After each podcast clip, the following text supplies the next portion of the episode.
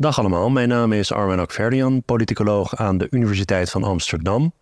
In deze podcast spreek ik met collega's uit de politicologie en aanverwante vakgebieden over hun onderzoek en over de actualiteit. Ik heb in het verleden met veel plezier samengewerkt met de correspondent, onder andere voor de podcastreeks Stemmen, een verkiezingspodcast zonder peilingen. Uh, en uh, heb heel veel zin om dat nu weer te doen. Als je meer van mij wilt horen, zoek dan naar de Stuk Rood Vlees podcast in je favoriete podcast app. Vandaag gaan we het hebben over de formatie. Wij is Sarah de Lange van de Universiteit van Amsterdam. Sarah, welkom. Dankjewel. En Simon Otjes, Universiteit Leiden. Dank voor de uitnodiging. Even kijken. Ik wilde beginnen met de directe actualiteit, want vandaag is duidelijk geworden dat uh, Dries van Acht deze week is overleden. Oud-premier Dries van Acht. Vijf jaar premier geweest, eind jaren 70, begin jaren 80. Um, Simon, wat was Dries van Acht voor premier? Want de huidige generatie kent hem misschien als een beetje een progressieve politicus die strijdt voor Palestina en die tegen samenwerking was voor de PVV. Maar premier van Acht en minister van Justitie van Acht was helemaal niet zo progressief. Nee, dat was natuurlijk ook een hele andere periode. Maar Van Acht is ooit binnengehaald in het uh, eerste kabinet Biesheuvel als een progressieve KVP'er die dat kabinet misschien wat, wat progressiever beeld zou kunnen geven. Dat was niet heel erg lang, uh, het kabinet is er erg lang aangebleven. En daarna werd hij minister van Justitie in het kabinet Den Uyl. Waar hij eigenlijk voortdurend in conflict was juist met de progressieve. En ook eigenlijk uitgroeide tot de persoon waar die progressieve zonder meer een hele grote hekel aan hadden. En dat had er eigenlijk fundamenteel mee te maken dat hij niet geïnteresseerd was in politiek. Het was een hele apolitieke politicus die liever naar de Tour de France keek dan dat hij in een Kamerdebat zat. Terwijl die progressieven in die periode waren natuurlijk geobsedeerd door politiek en daar alleen maar mee bezig. En die torsten eigenlijk de hele wereld op hun schouders. En hij was iemand van een veel ontspannendere levensstijl. Iemand die die politiek niet zo erg serieus nam. Juist misschien wel na zijn premierschap in bijvoorbeeld die strijd rondom Palestina een veel pro serieuzer profiel heeft uh, ontwikkeld. Uh, dan dat hij eigenlijk daarvoor had als iemand die ja, toch een zekere afstand had tot de serieuze politiek bijvoorbeeld van Den Uyl. Ik zat uh, een beetje naar die tijdlijn te kijken. Dus uh, Dries van Acht, premier van uh, 77 tot 82, meen ik. Dat is 50 jaar geleden. Sindsdien hebben we maar vier premiers gehad. Ja. Sinds van Acht. In die 40 jaar. Wat is dit voor land? We hebben Lubbers, weet ik veel, 12 jaar Lubbers. 8 jaar Kok. Wat is het? 8 jaar Balkenende. 14 jaar en counting Mark Rutte, want die zit er voorlopig nog wel even. Um, het is een halve eeuw geleden, maar niet zo heel veel premiers geleden. Dat is ook wel merkwaardig. Nee, maar ik denk wel het belangrijk te beseffen dat hij de laatste eigenlijk van een serie premiers is geweest die niet per se heel serieuze politieke, uh, politiek leiders waren. En hij is uiteindelijk KVP-leider of hij is uiteindelijk CDA-leider geworden omdat hij daartoe gedwongen is, omdat er geen andere optie was. Dat was niet alsof hij dat per se wou. Terwijl als iemand als Den Uyl, maar ook Lubbers na, maar natuurlijk veel politieker in een opstelling. Hè? Dus dat antipolitieke zat ook daarin. Hij zit pas eigenlijk meer in een lijn van KVP-premiers die allemaal meer afstand hadden tot de dagelijkse politiek, minder dat politiek leiderschap verenigde met, uh, met het premierschap. En het is ook niet zo, hè, hij is eigenlijk 82 na de verkiezingen vertrokken. Hij had de verkiezingen nog gewonnen ook, maar vond het genoeg. Hè, wat die afstand ook weergeeft die hij heeft ten opzichte van de politiek. Terwijl mensen als Lubbers en nu Rutte ook kunnen het niet loslaten dat is iets dat hij veel meer had. Die kabinetsformatie van 77 uh, was hele lange tijd de langste ooit. Tot eigenlijk uh, Rutte 3 en 4. Wat was nou precies het probleem met die formatie? En hoe is uiteindelijk Van Acht premier geworden?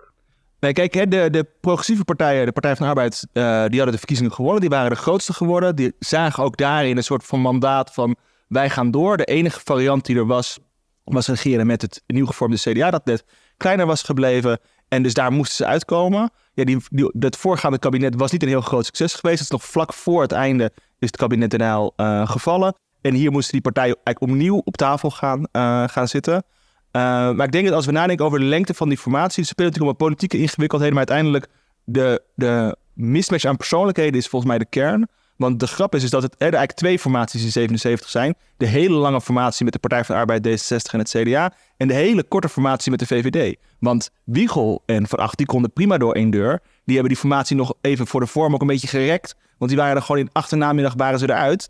En voor de vorm hebben ze daar nog iets langer over gedaan. Wat aangeeft dat die persoonlijkheden en die match daartussen zo enorm belangrijk is.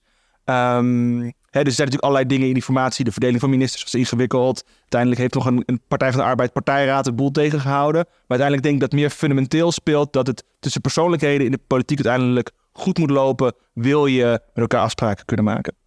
Ja, later is het ook uh, tussen Bos en Balken. En dan was altijd het verhaal dat het, dat het gewoon zo slecht ging op persoon. Terwijl het op inhoud misschien wel makkelijk was geweest. Als de partijleiders niet door één deur kunnen, dan wordt het moeilijk. De huidige formatie. Woensdag, afgelopen woensdag is het geklapt. Uh, toen, ik het, uh, toen ik het hoorde, um, ja, dat was net voordat het acht uur journaal was. Ik zat voor de tv en daar ontvouwde zich een schouwspel in het acht uur journaal dat ik denk ik nog nooit eerder heb gezien.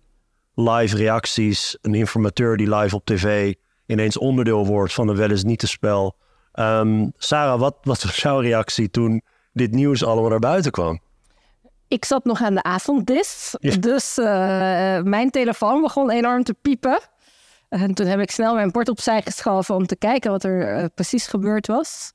Ik moet zeggen dat mijn eerste reactie was dat ik niet verbaasd was. Ik was in de dagen daarvoor al door heel veel buitenlandse journalisten gevraagd van...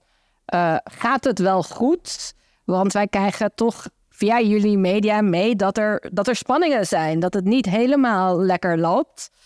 En het was natuurlijk zo dat als er gebroken moest worden... dat dat wel op korte termijn moest gebeuren. Want anders uh, zit je voor je het weet in een tweede ronde onderhandelingen. Ik bedoel, ja, het is ook raar om te wachten tot het rapport geschreven wordt en dat uit het rapport opeens blijkt dat men echt niet met elkaar door deur komt. Dat is ook een beetje een verrassende uitkomst dan. Dus in dat opzicht was ik niet verrast dat het klapte. Uh, wel uiteraard hoe het klapte, in de zin dat Omzicht claimde dat het met de financiën te maken had. En niet alleen met de inhoud van het financiële plaatje, maar ook met hoe hij niet tijdig aan de financiële informatie was gekomen. Dus dat het meer over het proces ging. Dus hoe de onderhandelingen zich ontvouwden en welke rol de informateur daar ook bij speelde en de informatievoorziening, dan de inhoud waarover je de compromissen moet sluiten. Ja, kijk, uiteindelijk, hè, we nemen dit nu op, maar er komt een brief en er komt een debat en daar zullen we allemaal meer in leren. Uh, we hebben nu deze informatie. Ik denk wel dat het, zo is het, heel erg past bij het profiel van omzicht. Om boos te zijn als je informatie in je ogen te laat krijgt. Om het proces heel erg centraal te stellen om die precieze financiële cijfers te willen en jezelf op te eten dat je die niet krijgt. Dus in die zin vind ik het een consistent verhaal van zijn kant. Um, het geeft natuurlijk wel aan, en dat vind ik het opmerkelijk is, dat dus op de meer principiële punten, daar was schijnbaar de pijn niet groot genoeg om te breken. Terwijl wij eigenlijk allemaal verwachten dat daar een grote hobbel genomen moest worden. En uiteindelijk is er gebroken op ja, iets wat in elk geval procesmatig lijkt, wat hè, ook uh, echt de vraag is hoe, hoe groot die financiële problemen zijn en hoe onvoorzienbaar die nu uh, waren. Wat natuurlijk wel opmerkelijk is gezien het feit dat er gewoon onderhandeld werd over kunnen we ons binnen de grondwet uh, opereren? Hoe verhouden we ons tot internationale verdragen? Ja, dat was schijnbaar niet een groot genoeg probleem. Dus dat vind ik wel heel opmerkelijk. Maar eventjes die twee punten. Dus de verklaring kwam naar buiten. Het was eigenlijk een, een, een rechtvaardiging van het uit de onderhandelingen stappen naar de leden toe. Dat was eigenlijk de verklaring die uh, eh, NSC schreef. Daarin stond heel nadrukkelijk dat het ging over uh, ja, toch het terughouden van informatie door Plasterk. Dat, dat is de proceskant. Plasterk die uh, had bij allerlei ministeries gevraagd om financiële uh, ramingen en, en met name tegenvallers, zodat dat mee kon worden genomen in onderhandelingen. Die zijn toen allemaal gekomen ergens in de laatste week van januari. Ja, een week later had Omzicht ze nog steeds niet. En blijkbaar is dat voor hem dan de reden om, uh, om eruit te stappen. Een, een week. Maar hij zei ook, en dat is dan de inhoud, uh, dat op basis van deze financiële tegenvallers hij zijn verkiezingsbelofte niet kon waarmaken. In zoveel woorden. Kijk, die man die, die heeft in de verkiezingscampagne ook op een curieuze manier gecommuniceerd. Uh, en heeft vaak een beetje gedraaid. En, het was, en hij, heeft al, hij was, als hij een vraag beantwoordde, had je meteen tien nieuwe vragen in plaats van dat je vraag werd beantwoord. Maar ik had hierbij exact hetzelfde. Ik dacht, hè? Wat van alle dingen die je zou kunnen noemen om niet met de PVV samen te werken, noem je dit? En het is al heel erg des, des omzicht, uh, inderdaad, Simon, dat hij dan ook op dat proces, dat dat hem dan zo steekt. Ja, ik denk dat je die uitspraak over die financiën en het realiseren van het eigen programma, dat je dat op twee manieren mogelijk kan interpreteren. We weten natuurlijk niet wat hij er precies mee heeft bedoeld, omdat hij er niet heel helder over gecommuniceerd heeft.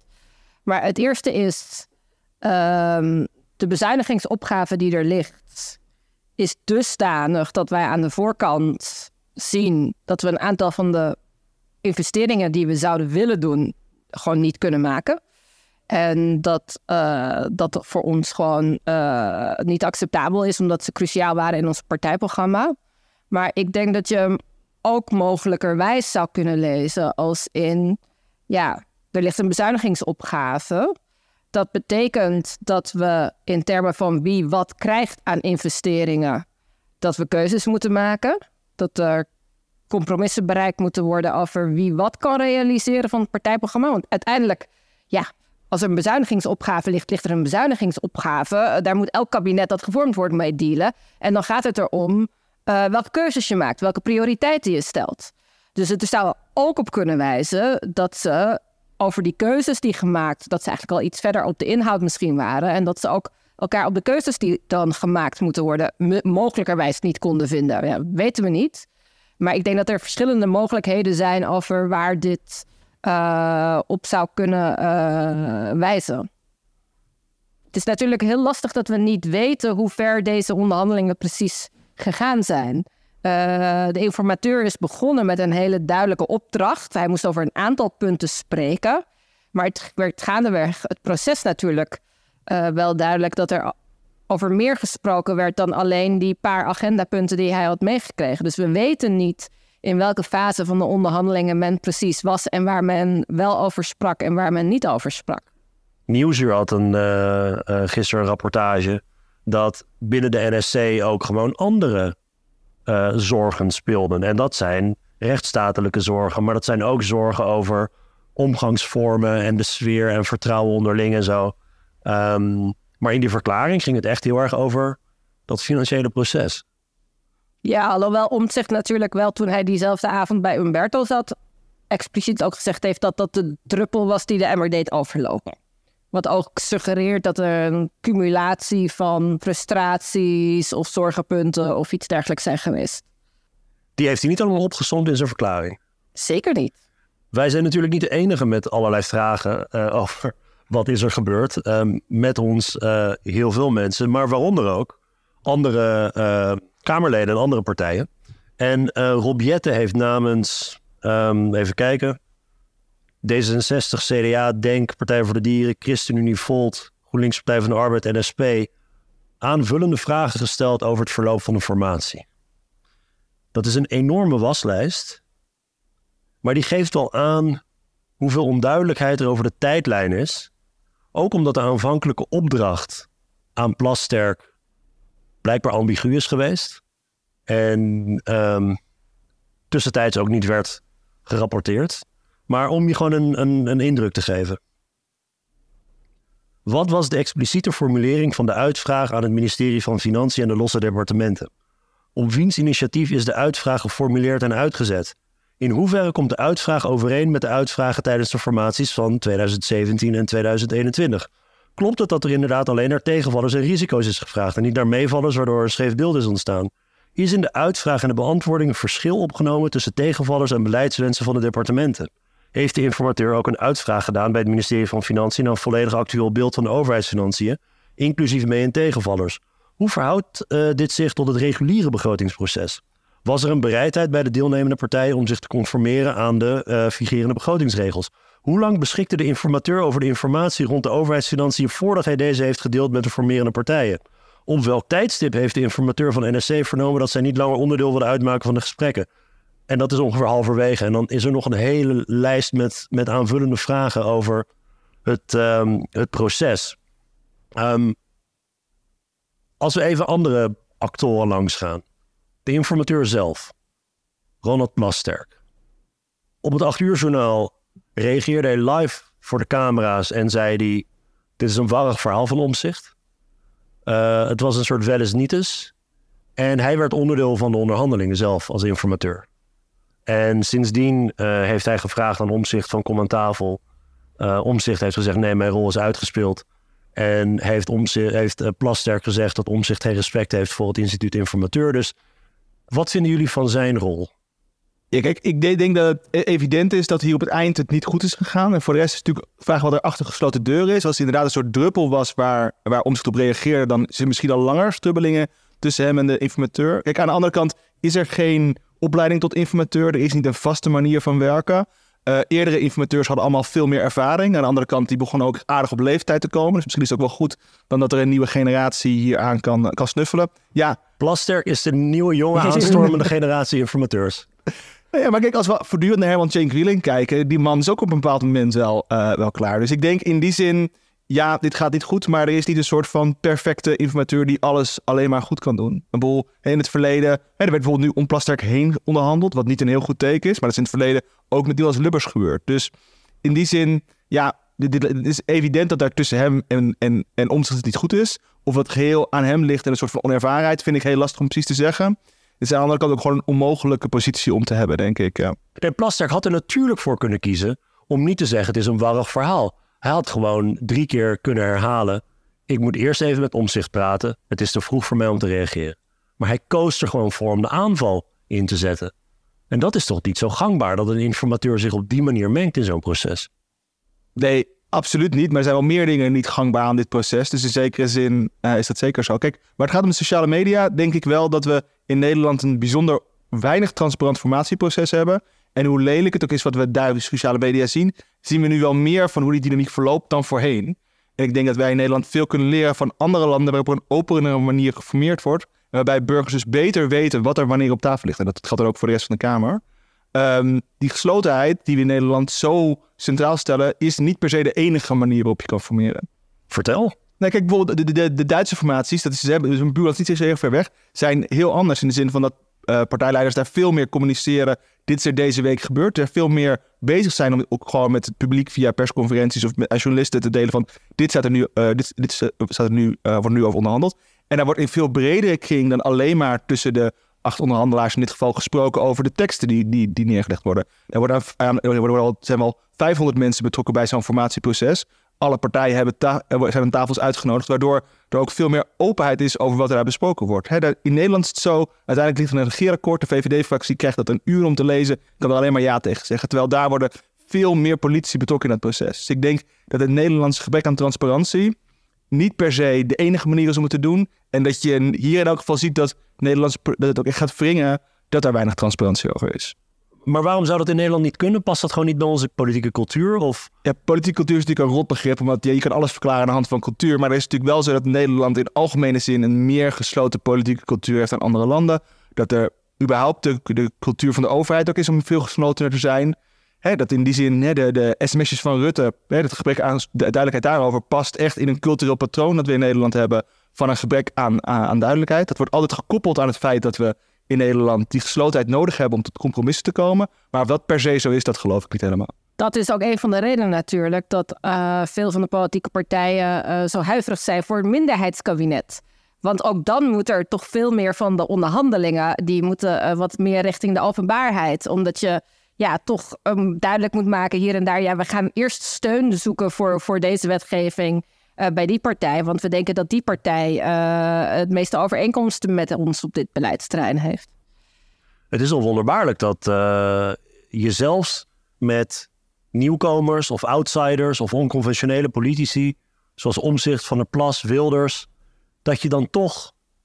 Heb, hebben die zich zo die normen geïnternaliseerd dat zij precies hetzelfde doen als al die uh, mainstream politici van weleer? Absoluut. Ik bedoel, kijk, het is dat is snel gegaan. Het is fascinerend dat Omzicht zo'n kritiek heeft op dat monisme. Ja, dus het feit dat er zo'n verbondenheid is tussen de Kamer aan de ene kant, de coalitiepartijen en de regering, die allemaal in regeerakkoorden voorbereiden. En dan volgens achter gesloten deuren gaat onderhandelen. Ja, nergens staat dat dat moet.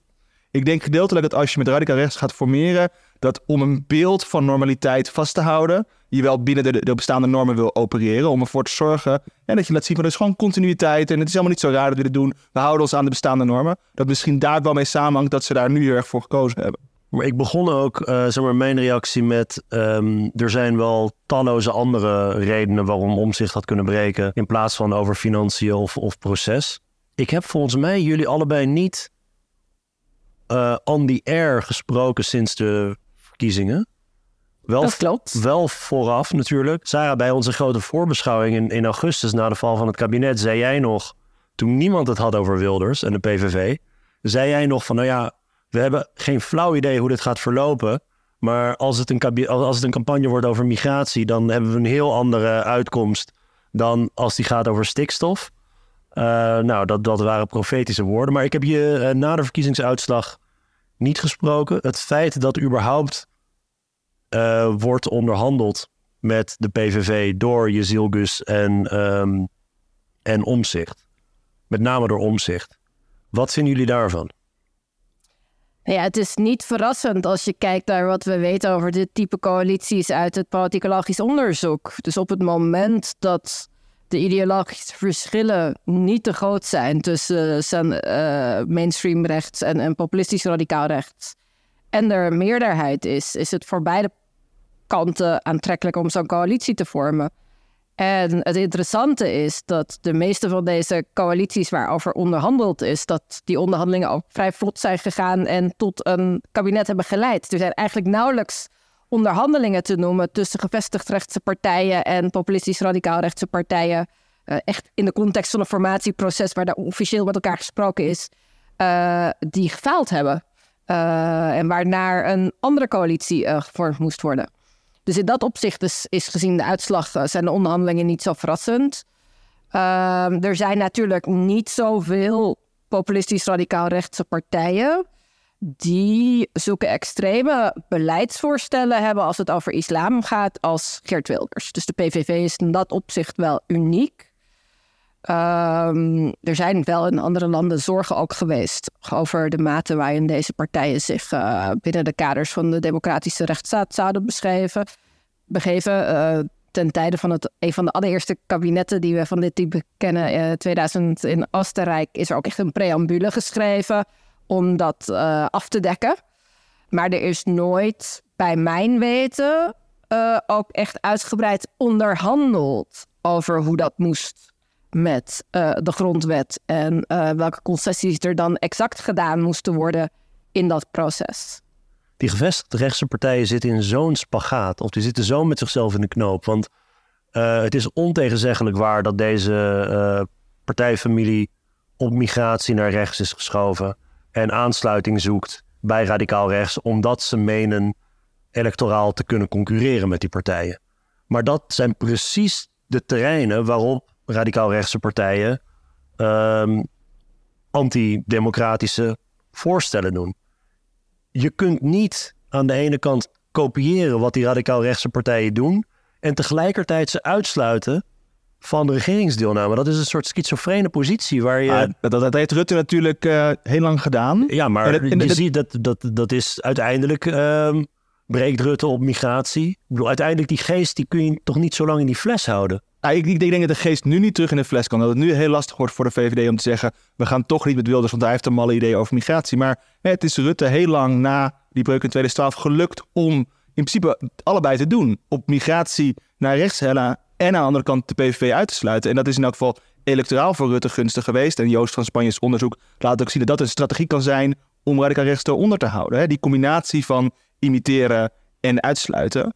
Um, dat is een lastige positie om te hebben als je echt op migratie wil veranderen. Want je moet voortdurend naar centrum of centrum-linkse partijen kijken om te gaan regeren. Maar electoraal gezien was dat in elk geval onder Rutte een strategie die werkte.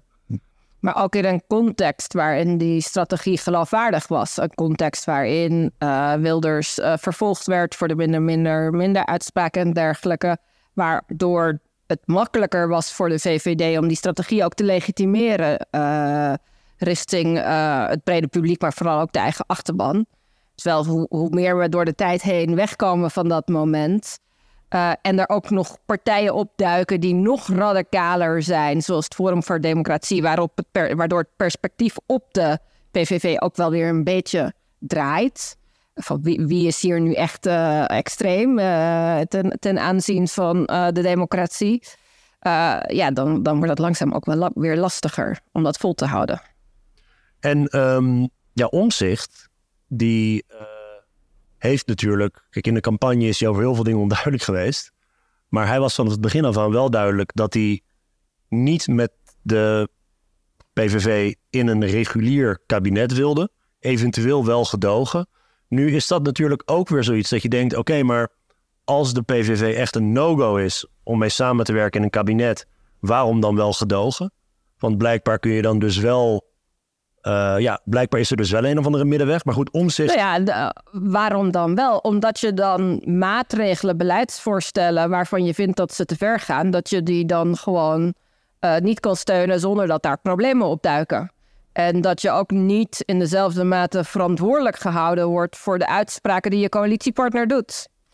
Uh, dus ja, er, er zit wel, zitten wel nuanceverschillen tussen echt tot een kabinet toetreden. En daarmee ook ja, toch een soort medeverantwoordelijkheid krijgen voor wat je coalitiepartners doen. Uh, of een kabinet steunen vanuit de oppositie als gedoogpartij.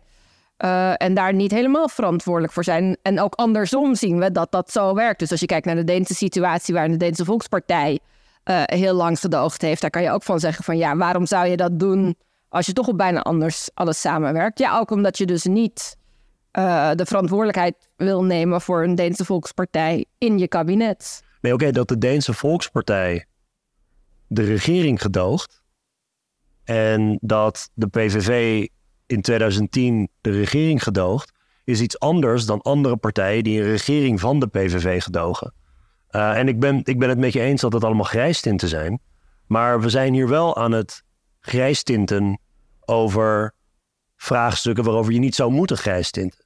Dus in die zin probeert Omzicht natuurlijk um, cake and eat it too, zoals uh, de Engelsen zouden zeggen. Um, en ik vind dat een moeilijke positie om te verkopen aan een breder electoraat. Tegen wie je zou willen zeggen, ja, met de PVV moet je eigenlijk niet willen regeren vanwege een aantal onverenigbare standpunten met de uh, democratische rechtsstaat. Um, maar hoe dan ook, Omzicht heeft in ieder geval gezegd in die campagne: wij gaan niet samen met de PVV. Um, dus in die zin, het feit dat hij nu niet samen doorgaat met de PVV in een reguliere en misschien wel in een gedoogconstructie, moet ook voor zijn kiezers, denk ik, um, ja, die hebben zitten slapen tijdens de campagne misschien. Maar hij was daar in ieder geval wel duidelijk over. Maar de vraag is een beetje, welke opties liggen er dan nog op tafel? Nu dus dit geklapt is en omzicht zelfs niet meer wil praten. Hij zegt, deze fase is voorbij in de, uh, in de coalitieonderhandeling. Ja, hij zegt deze fase is voorbij, maar dat hebben heel veel partijen hebben gezegd. Je ziet zei aan het begin, wij gaan niet meeregeren, wij gaan alleen maar gedogen. Dat leek toch ook wel veranderd uh, te zijn. Ik bedoel, hè, uh, als politicoloog is de neiging in elk geval heel sterk om dit soort dingen ook puur strategisch te gaan duiden. Kijk, Omtzigt heeft een voorkeur voor een bepaald soort kabinet. Hoe kan je dat forceren? Door op een bepaald moment het proces te laten breken, de, een, regulier kabinet niet te laten gebeuren en dan vervolgens een minderheidskabinet of een extra parlementair kabinet op die manier te forceren. Dus vanuit de politiek-strategische bril is eigenlijk niet allemaal heel erg logisch. Hij moest het ergens op laten breken. Hij laat het op zijn omzicht hierover breken om op die manier de kabinetsvariant die hij wil te forceren. Kijk, je kan ook een andere duiding, een meer psychologische duiding geven, die ik overlaat aan, aan journalisten die er dichterbij zitten. Maar hè, puur strategisch is het een heel simpel proces. Hij wil een bepaald type kabinet, dat forceert hij door te breken.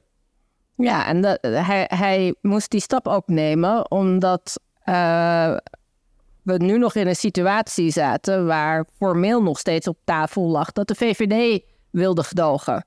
Zij hadden dat als eerste uitgesproken. Ja waardoor hij dat niet op dezelfde manier ook op als harde ijs kon neerleggen.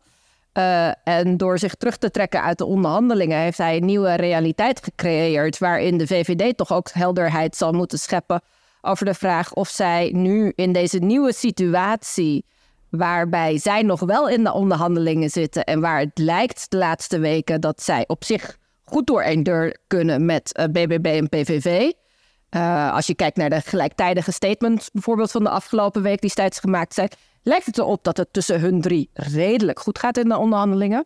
Ja, dan zullen zij toch moeten verhelderen of zij nu bereid zijn om dan uh, tot een echt kabinet toe te treden in plaats van een gedoogpartner te zijn. Dus hij heeft gewoon geprobeerd om de, de, de, ja, de situatie om te keren wat dat betreft. Uh, en in de positie van de VVD op een bepaalde manier te komen. Er komt een debat. En in dat debat zullen hopelijk een aantal van die vragen over de tijdlijn en de motivatie uh, zullen verhelderd worden. Eén mogelijke optie is dat de drie overgebleven partijen verder gaan. Volgens mij gaan ze elkaar maandag ook weer spreken. Die gaan elkaar blijven spreken. En uh, één optie is dat deze drie, kabinet, deze drie partijen samen proberen om een soort van principeakkoord onderling te bereiken.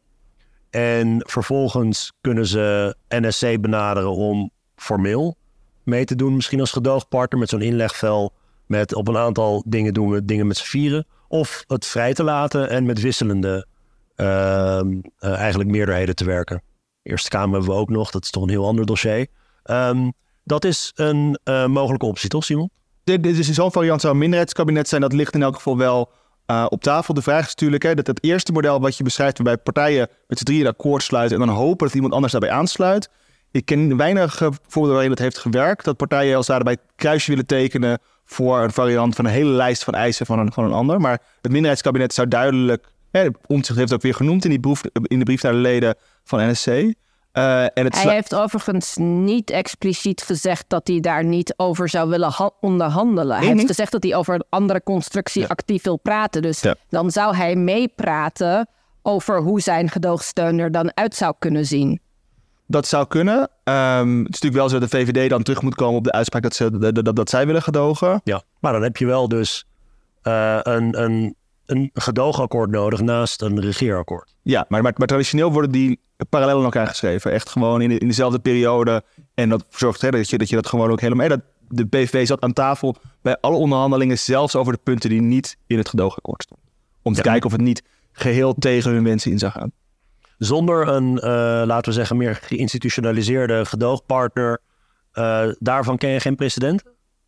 Of geen precedenten die succesvol zijn in Nederland? In, in Nederland, zonder geïnstitutionaliseerde gedoogpartner, ja, er is technisch gezien een minderheidskabinet geweest tussen 1918 en 1922, maar dat telt niemand mee. Maar voor de rest... Kijk, daarom zit Simon aan tafel. Ik wist ja, wel. En in deze situatie is dat natuurlijk ook niet iets wat voor de hand ligt.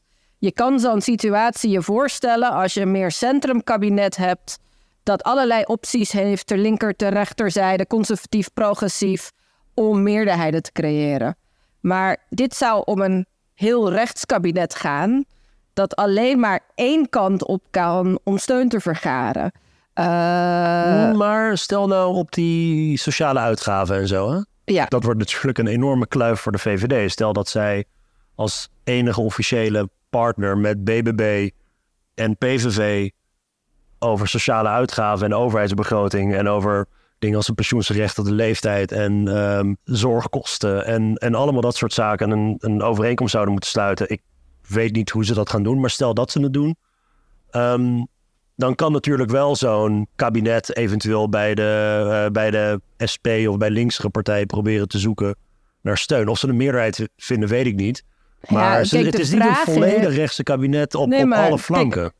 Er zullen natuurlijk heel veel partijen zijn die principieel problemen hebben met het steunen van wetgeving van een kabinet waarin de PVV de grootste wordt en dat geleid wordt door de PVV. We kunnen van tevoren eh, zien dat um, waarschijnlijk D66, uh, GroenLinks, PvdA, uh, Volt en dergelijke daar, daar niet happig op zullen zijn. Maar dat Zelfs als het gaat om, om voorstellen die, uh, die ze misschien inhoudelijk niet zo slecht vinden. Dat zal wel echt een breuk zijn met de Nederlandse cultuur die er is, waarbij partijen in principe altijd wetgeving op inhoudelijke grond steunen. De oppositie steunt heel veel wetgeving.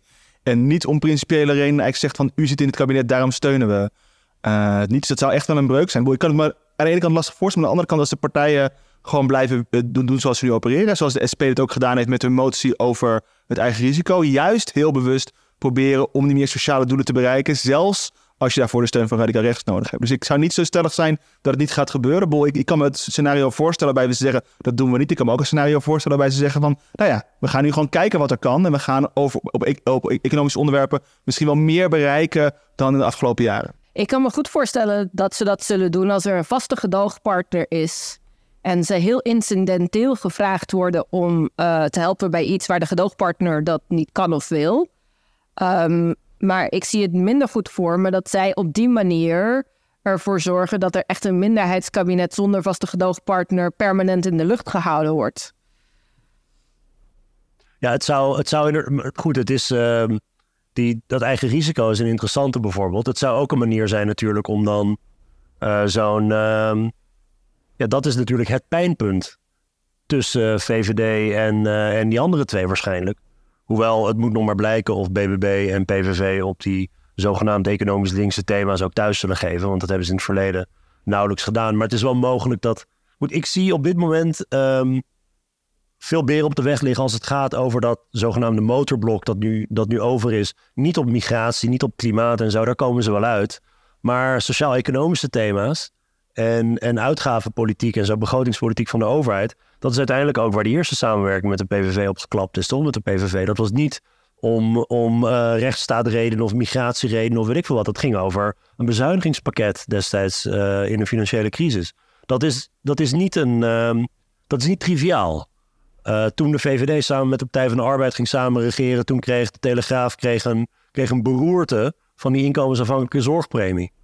ik weet niet of de Telegraaf nu aan de kant van deze coalitie zal staan op het moment dat. Ik bedoel, dat is ook een bepaalde achterban van de Telegraaf. Hè, die, um, die voor dit soort linksere politiek waarschijnlijk toch de PVV, de VVD zullen aanvallen. Ja, het is natuurlijk wel. Hè, het, is, het is ingewikkeld om de politiek van de PVV hier zonder twijfel links op te noemen, omdat dat namelijk aan de uitgavenkant misschien wel links is. Hè? Dus meer overheidsuitgaven, ervoor zorgen dat de pensioenleeftijd omlaag gaat, allemaal leuke dingen uitdelen. Maar de andere kant die altijd onderdeel is geweest van linkse politiek, het verhogen van belastingen, dat is iets waar de PVV niet enthousiast over Absoluut, is. ja. En dus de, de, de, de, het probleem is nu is natuurlijk dat de plannen van de PVV onbetaalbaar zijn. Hè? Ze, ze kunnen alle ontwikkelingssamenwerking opheffen en het geld één keer ergens uitgeven. Maar volgens alle dingen die ze willen, daarvoor hebben de, als je de belasting niet verhoogt en met de VVD zit die zich aan de begrotingsregels wil houden, dan is er gewoon een probleem voor de, voor de PVV om dat te doen. Maar ik denk dat Wilders zich heel bewust is van die beperking. En, en weet dat ze niet alles op economische onderwerpen kunnen realiseren. En een aantal dingen zou uitkiezen die voor een achterman belangrijk is, die in een campagne belangrijk is geweest om te kunnen realiseren. Ja, en daar komt natuurlijk bij dat dat inderdaad voor de kiezer, die heeft in de eerste plaats op deze partij gestemd vanwege migratiebeleid.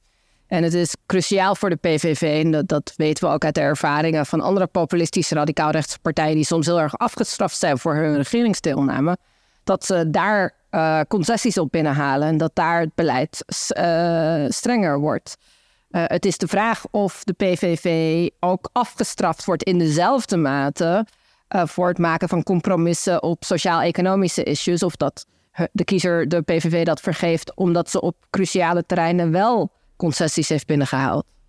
Dus dat minderheids, eigenlijk dat um, die minderheidsconstructie, al dan niet met een rol voor omzicht, dat is denk ik toch voor deze betrokken partijen het hoogst haalbare op dit moment? Of uh, Simon, zie jij nog andere opties? Nog even los van de meer uh, excentrieke, extra parlementaire uh, varianten en zo. Nou, ik, denk, ik, ik vind hoogst haalbaar hier een ingewikkelde term. Wat ik namelijk denk dat voor de PVV een regulier meerderheidskabinet of, of, of, een variant waarin er, waar er nog minder partijen deelnemen in de minderheidsvariant, waarbij ze heel veel winstpersonen moeten gaan leveren, echt onmogelijk gaat zijn, omdat de PVV een enorm personeelsprobleem heeft. Dat is gewoon praktisch al zo dat er eigenlijk geen Kamerleden kunnen doorstromen, ook geen Eerste Kamerleden kunnen doorstromen naar het kabinet, want dan is de lijst gewoon op. Uh, maar in bredere zin heeft de PVV niet een batterij vol oud-Kamerleden die gemakkelijk minister kunnen worden. Dus ik denk dat voor hen aantrekkelijk is om te werken in een variant waarbij er meer ministers van buiten komen, meer onafhankelijke ministers. Uh, wat dus dat kabinet ook al in de zin van omzicht wil, de, de afstand groter zou maken tussen het kabinet en de fracties. Dus dat is wel die extra parlementaire variant. Ja, het, het ingewikkelde is, er is, er is niet een soort van regel van dit is een extra parlementaire variant. Het was in Nederland tot midden jaren 60 best gebruikelijk om ministers te hebben of staatssecretarissen die geen lid waren van een politieke partij. En dat zal hier, denk ik, om het personeelsprobleem van Wilders als hij mee gaat regeren op te lossen, wel moeten. Okay, maar ja, en dat is ook natuurlijk bij de afgelopen formatie heeft D66 daar ook tot, tot zekere hoogte gebruik van gemaakt. Door een aantal uh, bewindslieden uh, te vragen die misschien wel een partijenkaart hadden, maar in ieder geval niet actief waren voor de partij. Dus zo uniek zou dat ook weer niet zijn. Maar dan heb je het over uh, mensen als Dijkgraaf en Kuipers. Dan heb je het over Dijkgraaf, Kuipers en dergelijke, ja.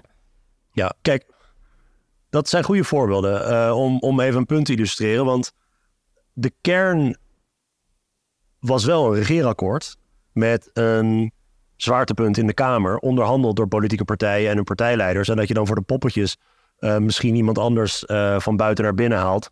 Uh, ja, de LPF komt ook met, weet ik veel, Heinsbroek en hoe heet die andere nou, Bomhoff. Niet dat dat nou per se expert, ja, Bomhoff wel. Bomhoff was wel een, een expert op financiën tot op zekere hoogte. Heinsbroek natuurlijk Ehm, ja, kwam uit, uit, uit de platenwereld. Maar dat is een andere constructie dan wat ik begrijp van een extra parlementair kabinet. Waarbij ook de totstandkoming van het regeerakkoord anders is. Ja, dus het fundamentele verschil bij een extra parlementair kabinet is dat er geen regeerakkoord is dat gesloten is tussen fracties, maar dat er eh, ministers worden aangesteld en dat zij samen een regeerprogramma schrijven. Waarbij dus die fracties niet betrokken zijn bij dat proces en zij gewoon samen zeggen: op deze punten gaan wij samenwerken. Je ziet dat in zo'n kabinetten er vaker ministers van buiten zitten. Tegelijkertijd is dat niet per se altijd zo. Colijn heeft allerlei extra parlementaire kabinetten geleid, terwijl hij ook leider van de ARP was. Maar is dat een optie die voor Wilders aantrekkelijk zou zijn? Om zijn partijprogramma te realiseren? Dat dan een team van, van buitenstaanders eigenlijk uh, gaat, gaat nee, regeren? Hij heeft wel echt nodig dat hij beleidshervormingen kan claimen als zijnde van de PVV. En er komt ook nog bij dat het natuurlijk niet evident is dat uh, allerlei experts of ervaren bestuurders zich zomaar zullen verbinden aan een kabinet uh, dat uh, leunt op de, de grootste steun van de PVV. Er zit natuurlijk ja, toch een zeker afbreukrisico aan voor, voor experts. die zullen ook misschien zorgen hebben over hoe stabiel de steun is van al deze nieuwe partijen. Het is niet evident dat zij daar zo makkelijk allerlei mensen voor zullen vinden. Maar wat, waarom is dan een minderheidskabinet niet het hoogst haalbare? Wat voor andere meerderheidsopties zie je dan, Simon, voor de, voor de PVV? Nee, voor de PVV is denk ik de, het hoogst haalbare is breken en nieuwe verkiezingen. Want dan kunnen ze namelijk het hele het gedeelte van het personeelsprobleem dat ze hebben ook gewoon oplossen. Ze staan nu op, op, op meer zetels dan dat ze hadden. Er is een duidelijk een rechtse meerderheid nu mogelijk. Dus volgens mij heeft het, heeft het hun voorkeur, tenminste ook het Twitter-gedrag van Wilders zou er enorm bij aansluiten om ervoor te zorgen dat er nieuwe verkiezingen komen, dat hij een langere lijst in kan dienen en op die manier een aantal van de problemen die hij nu rondom personeel heeft op te lossen. Maar er zijn weinig andere partijen die ook baat hebben bij uh, nieuwe verkiezingen, waardoor het heel lastig wordt om dat uh, te forceren. De vraag was, wat is de hoogte haalbare voor Wilders? Dat was de vraag. Nou ja, ja, ik wil daar wel bij aantekenen. Kijk, er zijn natuurlijk een aantal eh, landen geweest de afgelopen jaren die, die met dit type probleem hebben gekampt. Hè? Die, die een uitslag hadden waar, waar gewoon niet direct een kabinet uit voort kon komen. Spanje, Griekenland bijvoorbeeld. Uh, waar een aantal successieve uh, verkiezingen zijn geweest. Het lastige daarvan is dat je aan de voorkant gewoon niet zeker weet of dat een uh, nieuwe realiteit creëert waarin alternatieve coalities een meerderheid hebben. Of dat je gewoon met exact dezelfde partijen weer verder moet onderhandelen, omdat er niet wezenlijk iets veranderd is. En daar komt dan nog bij dat in de Nederlandse context uh, het verkiezingsproces ook heel lang is. Dus voordat wij nieuwe verkiezingen hebben gehad die die nieuwe realiteit creëren, uh, ben je ook nog eens maanden en maanden verder waarin je wel had kunnen onderhandelen om toch maar iets te bereiken. Uh, Armer Christophe en zo van het NKO, dat die, die, die zijn net bezig met het, met het opschonen van de data. Moeten ze weer een kiezersonderzoek doen. Nee, maar ik bedoelde met hoogst haalbare bedoel ik eerder um, voor de betrokken partijen nu zonder gezichtsverlies en toch enigszins een programma realiseren, lijkt me die minderheidsoptie met, met een gedoog uh, partner lijkt me toch te verkiezen boven nieuwe, nieuwe maar, verkiezingen. Maar, maar, wie, is de gedoogpartner in dat geval? NSC. Want ik denk dat ook voor Wilders uh, het, het fijn zou kunnen zijn als hij kan gedogen. Omdat hij geen ministers kan leveren. Omdat hij of zelf minister moet worden en dan de fractie moet overlaten aan mensen die hij niet vertrouwt. Of dat hij mensen in het kabinet moet zetten. Wie, wie, wie gaat dat doen? Dus je, zei, je ziet misschien een optie voor je waarin NSC, BBB en VVD samen de kern vormen en gedoogd worden door Wilders. Voor deze breuk kon ik wat voorstellen. Dat, dat, dat, daar heeft Omtzigt nu natuurlijk gewoon eind aan gemaakt door de, zich terug te trekken uit deze samenwerking in zichzelf onmogelijk te maken ten opzichte van andere partijen. Ik, ik ben hier niet om oplossingen te bieden. Nee, ik ben het wel met Simon op dit punt eens. Uh, het is natuurlijk de vraag hoe aantrekkelijk regeringsverantwoordelijkheid nemen is voor populistische radicaal-rechtse partijen in zijn algemeenheid. Uh, omdat ze toch altijd compromissen moeten sluiten. Uh, dat kan hun worden aangerekend. In zijn algemeenheid zijn de meeste partijen ook nog niet heel ervaren met besturen. Uh, voor Wilders geldt dat veel meer dan voor andere populistische radicaal-rechtse partijen, omdat die meestal van onderaf, lokaal, provinciaal langzaam groeien. En op die niveaus ook ervaring opdoen met onderhandelen, besturen en dergelijke. Ja, de, de PVV heeft daar echt ook een tekort, niet alleen aan personeel daardoor, maar ook echt aan ervaring van hoe je dat aanpakt. Het kan wel succesvol zijn uh, als je de uh, one foot in, one foot out strategie hanteert. Dus dat je gaat regeren, je haalt op uh, je kernissues een aantal belangrijke punten binnen.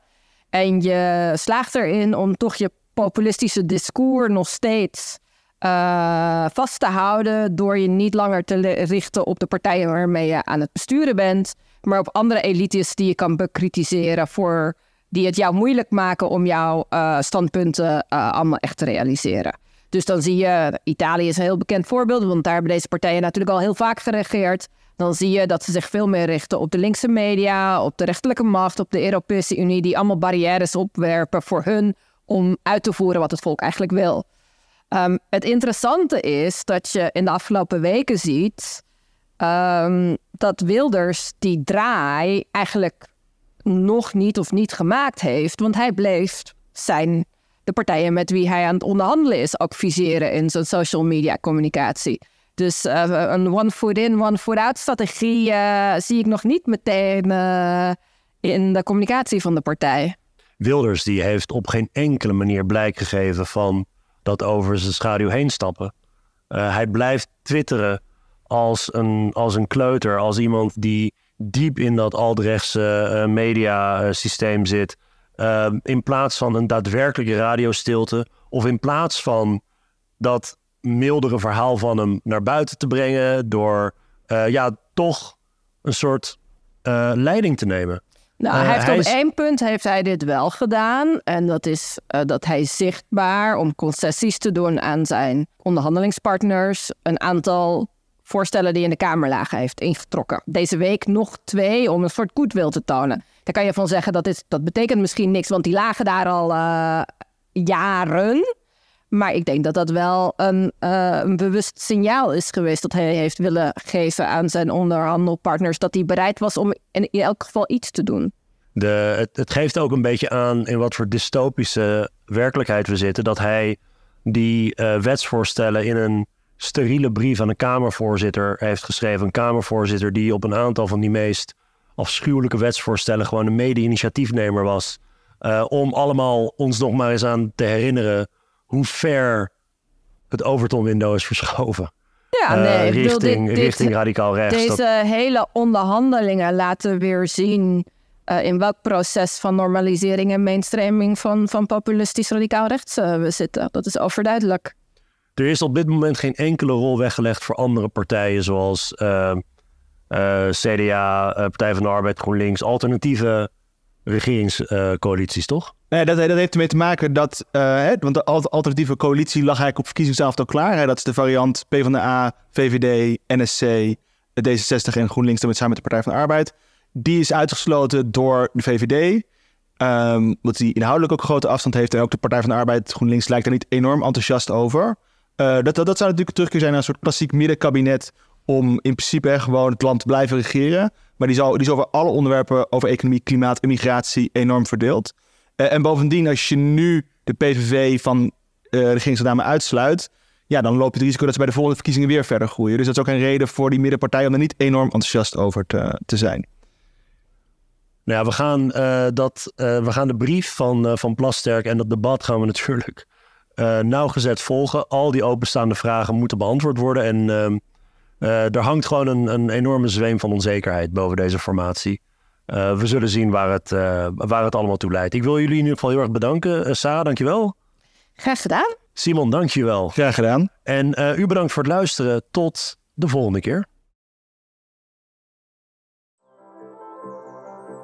De correspondent bestaat tien jaar. Al tien jaar maken wij journalistiek voorbij de waan van de dag. Journalistiek die niet polariseert, maar perspectief biedt die geen ophef najaagt, maar oplossingen zoekt. Wist je dat de correspondent 100% door leden wordt gefinancierd? Dat betekent dat we ons werk alleen kunnen doen als luisteraars zoals jij ons steunen. Word vandaag nog lid. En draag bij aan diepgavende, advertentievrije en onafhankelijke journalistiek. Ga naar decorrespondent.nl en word lid.